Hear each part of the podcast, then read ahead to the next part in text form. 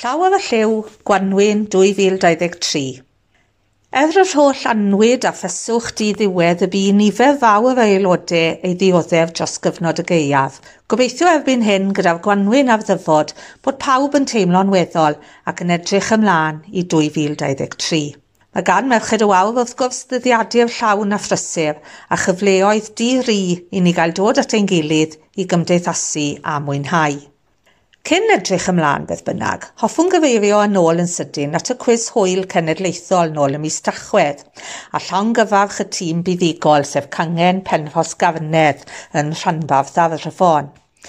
Treulias y noson y llynedd yn y swyddfa yn Aberystwyth yng Nghymru Tegwen, Jane, Delyth, Miriam ac Yngharad.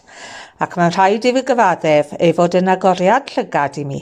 Dyna i chi trefen, Roedd pawb a'i swydd, ateb galwadau, cymryd y marciau, llwytho'r canlyniadau a ffonio hwnna'r llall. Roedd popeth yn gweithio fel watch. Nid y noson hamddenol y roeddwn ni wedi ei ddisgwyl. Rwy'n deall nawr pam mae angen cadw at amseroedd penodol a pham o bwysig i wi gael y marciau na i fewn mewn da bryd. Yn wir, mi nidau oedd i fynd cyn i mi gael y falwad o'r Tyfadio Cymru i gyhoeddi'r enillwyr. Hyfrydwch pul wedyn oedd cael ymweld â'r ffai reiaf yn Llanelwedd ddechrau Rhagfyr a gweld doniau crefftio anghygol y feilodau unwaith eto. Llongyfarchiadau mawr ef holl fuddigwyr ac yn i bawb a fi'n cystadlu. Diolch i'r staff, y swyddogion a'r holl aelodau a fi'n gwirfoddoli hefyd i ofalu ar ôl y stondin ac am y croeso cynnes i'n holl ymwelwyr.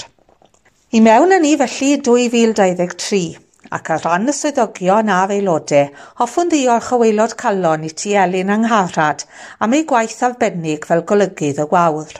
Mae Elin bellach wedi trosglwyddo'r awennau i Angharad Rhys, a dyma rhifyn cyntaf o'r wawr felly o dan oligyddiaeth Angharad.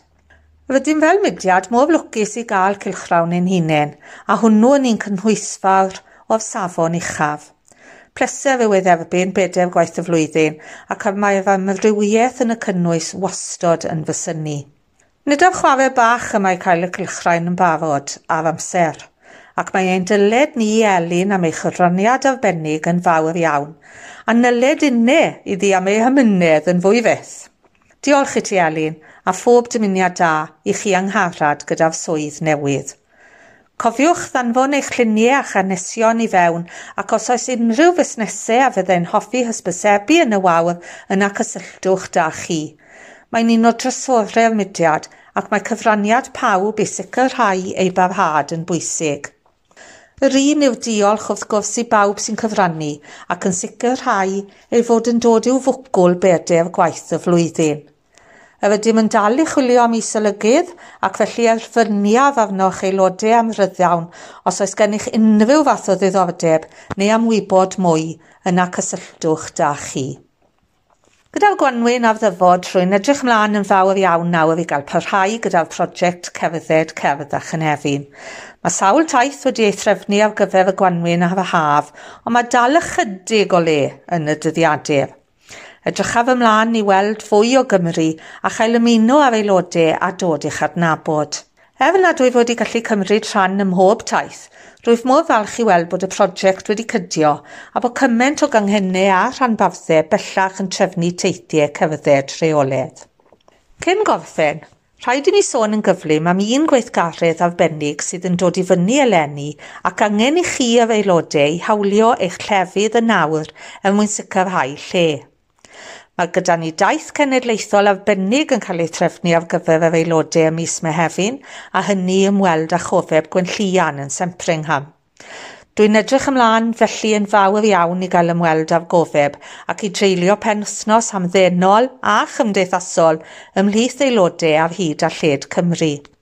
Mae'r wybodaeth am manylion eisoes wedi rhannu gyda'r canghennau ac felly os oes diddordeb gennych yna da chi rhowch eich enwau i lawr os nad yw hi'n rhy hwy am erbyn nawr wrth gwrs. Braf iawn eleni hefyd bydd cael cynnal cynnodd llywydd yn y de a'r gogledd.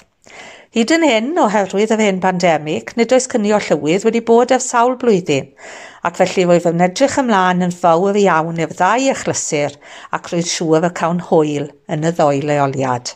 Pob hwyl i chi am y tro felly, a chofio'n cynnes atoch i gyd.